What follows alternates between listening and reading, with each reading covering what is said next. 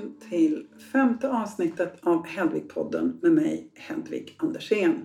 Idag tänkte jag att vi skulle fortsätta att prata om IP men ur ett lite bredare perspektiv och titta närmare på när man ska ta patent och framförallt hur man kan tänka kring sin patentstrategi för att få maximal kontroll över företagets konkurrensfördelar.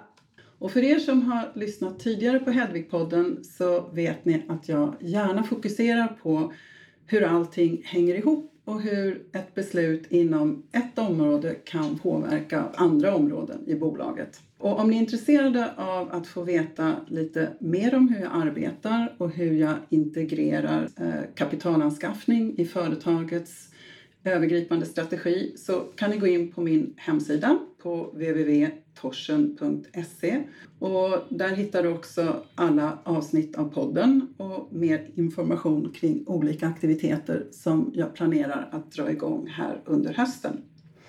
Men med mig här idag så har jag Erik Oskarsson som är partner på IPQ och ansvarar för teamet Professional Services som då i huvudsak levererar analyser för att stödja en lönsam IP.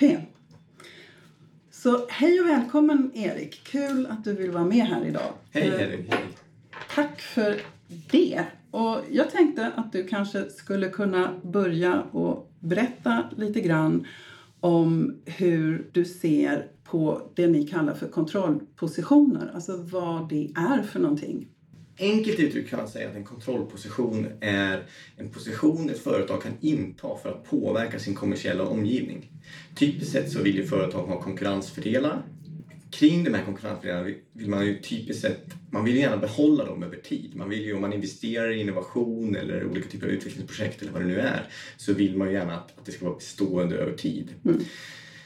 Och för för att skapa den här liksom bestående den här avkastningen över tid då, så pratar vi om kontrollpositioner, någonting som att man kan, man kan agera på ett visst sätt för att säkerställa eller i någon ska man säga, större utsträckning garantera investeringen över tid. Det är vad vi kallar för en kontrollposition. Och traditionellt sett rör det sig om, om kanske då IP, då, patent, varumärken, design och så vidare. Men egentligen så kan man se det där mycket bredare också.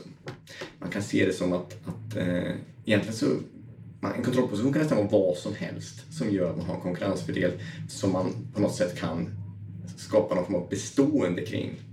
Eh, det kan till exempel vara direktägande i en underleverantör. Det skulle kunna vara en kontrollposition. Eh, det kan vara tillgång till licenser. Eh, det kan vara olika typer av exklusiviteter i avtal. Det kan, vara, det kan ju vara till exempel patent. För det möjliggör att man exkluderar folk får göra exakt det man gör själv. Så egentligen så är kontrollposition ett ganska brett eh, och vitt begrepp och det är det som gör det kanske lite svårt. Eh, samtidigt så tycker vi kanske just att bara prata IP är för smalt. För då landar man typiskt sett i, i klassiska registreringar och de tenderar också att vara väldigt dyra.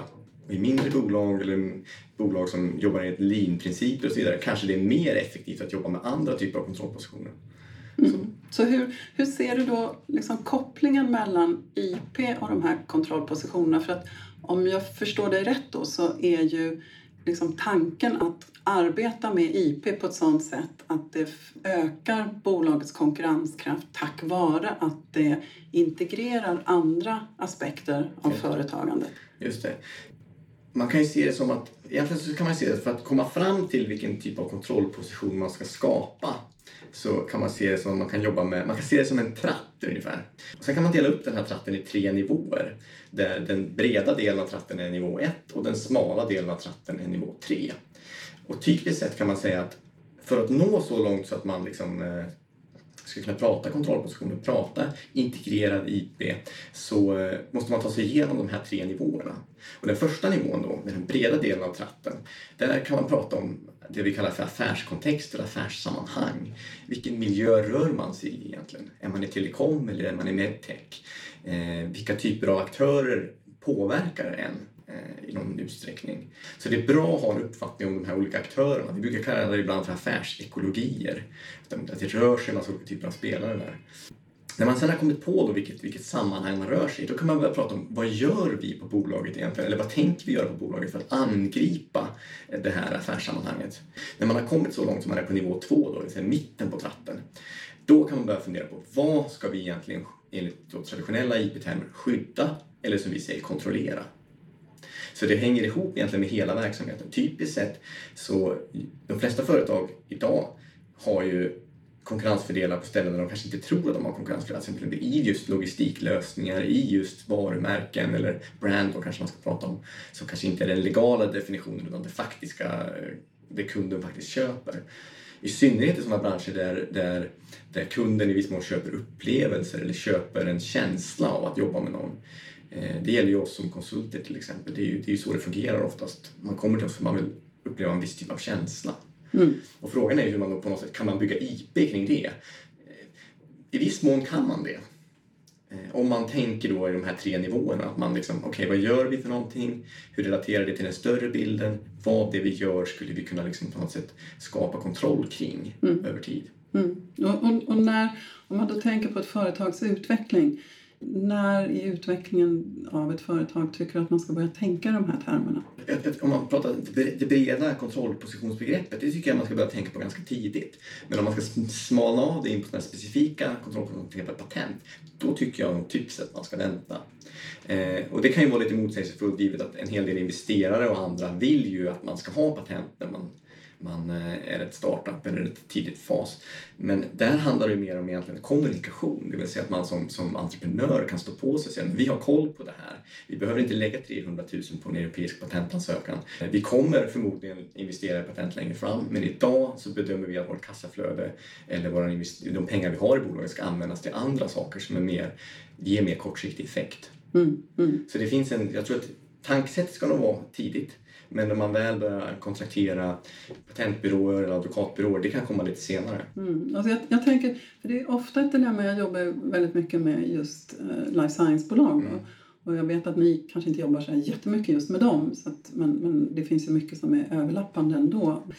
Eh, men där finns det en konflikt mellan att ta tidiga patent för att mm. man vill skydda det man då har, har upptäckt också för att en del kanske vill publicera kring det här och sen att patenttiden är ett stort värde när du så småningom ska sälja ditt bolag, mm. framförallt om du jobbar med biotech. Mm.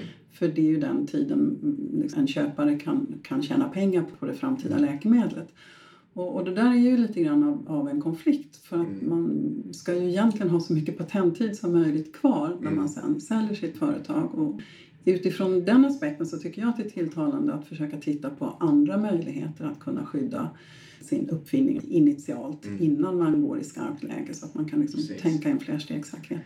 Sen kan man jobba, och det är väl det som är det, det är lite svåra ibland, det är väl att man kan ju jobba så att man, ska, man skapar någon tidig patentposition för att vi behöver den för att söka få pengar och vi behöver den för att kunna initialt kommunicera mm. med marknaden. Och sen så kanske man ska ha en idé om den, att den här släpper vi om två år. Mm. När den väl blir, då, och då har man liksom kanske inte lagt allt sitt krut på den ansökan utan man har någonting annat på gång. Liksom. Precis.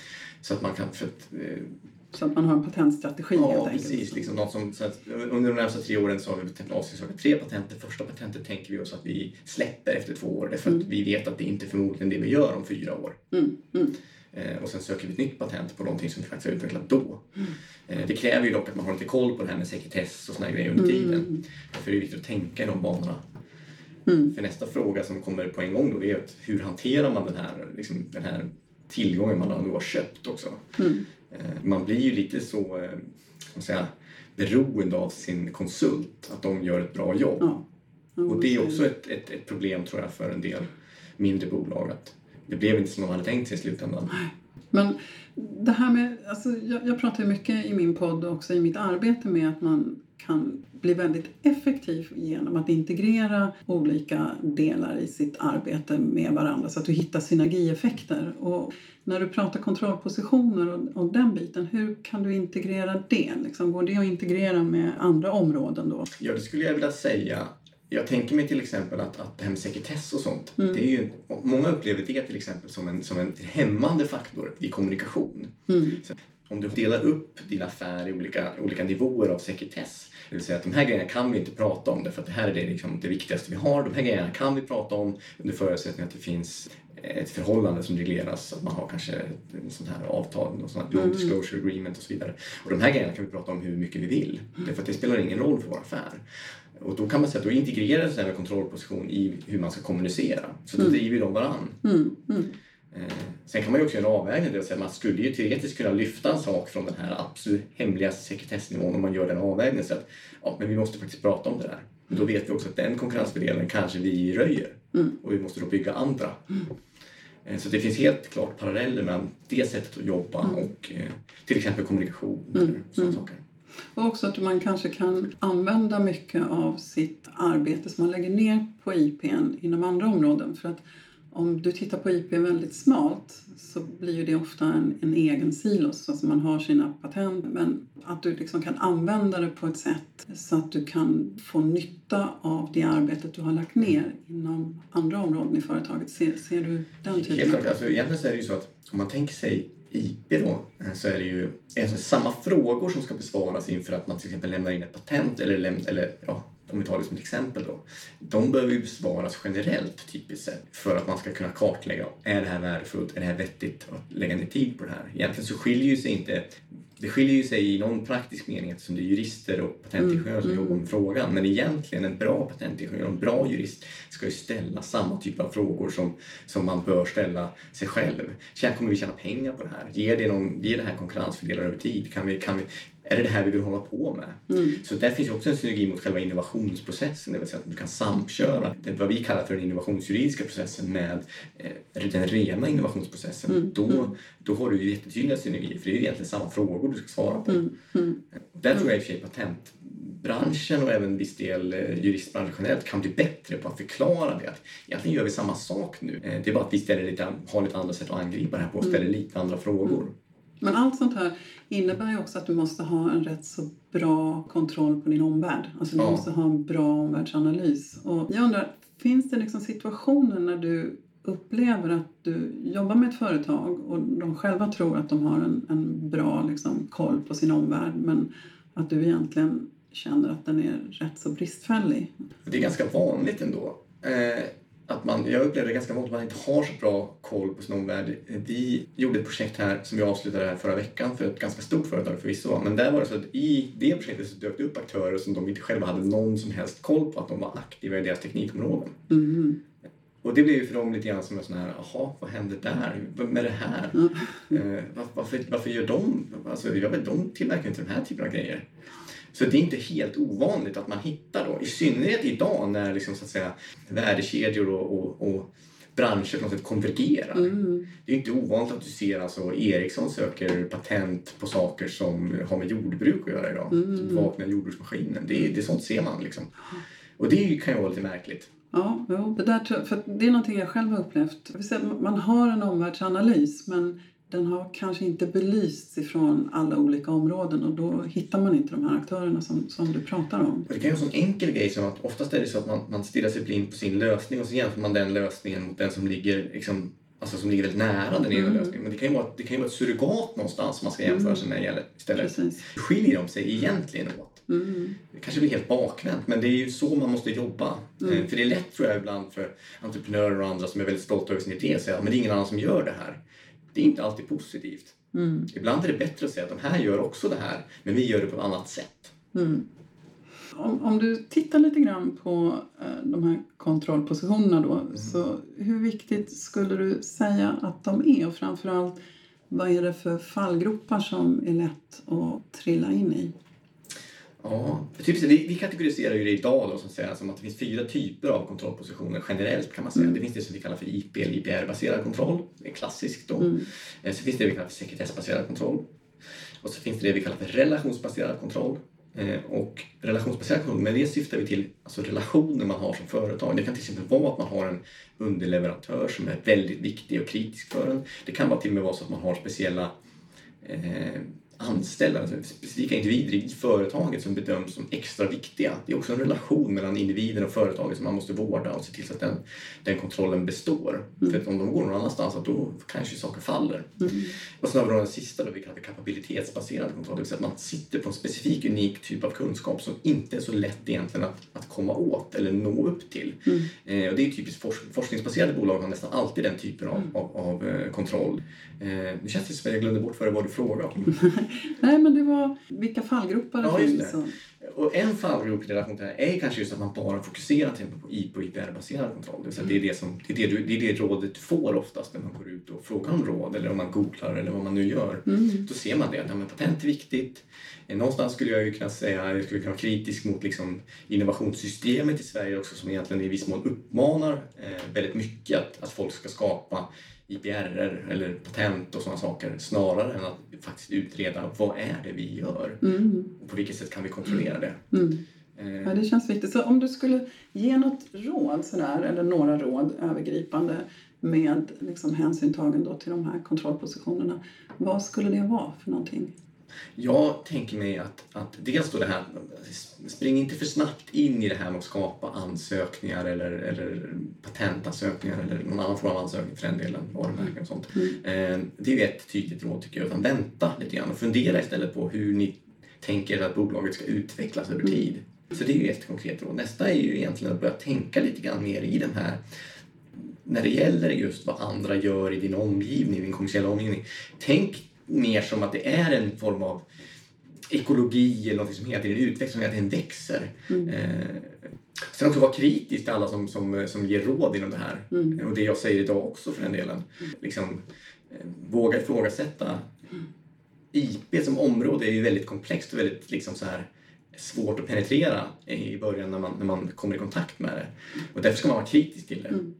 Ja, jag tror att det, det är väl liksom det här som är syftet lite grann med den här podden också. Att öka kapaciteten att kunna ifrågasätta och ställa Mm. krav och sätta saker i ett större sammanhang Mm. så att man inte springer på första bästa Mm. boll eller Precis. gör saker bara för att man har väldigt ont om tid. Få en karta helt Ja, enkelt, precis. en kartbild att navigera emot. Men det var jättekul att prata med dig. Verkligen. Tack så hemskt mycket Erik Tack för det själv. här. Det var jättespännande. Ja, ha det bra. Detsamma. Hörs. Hej då.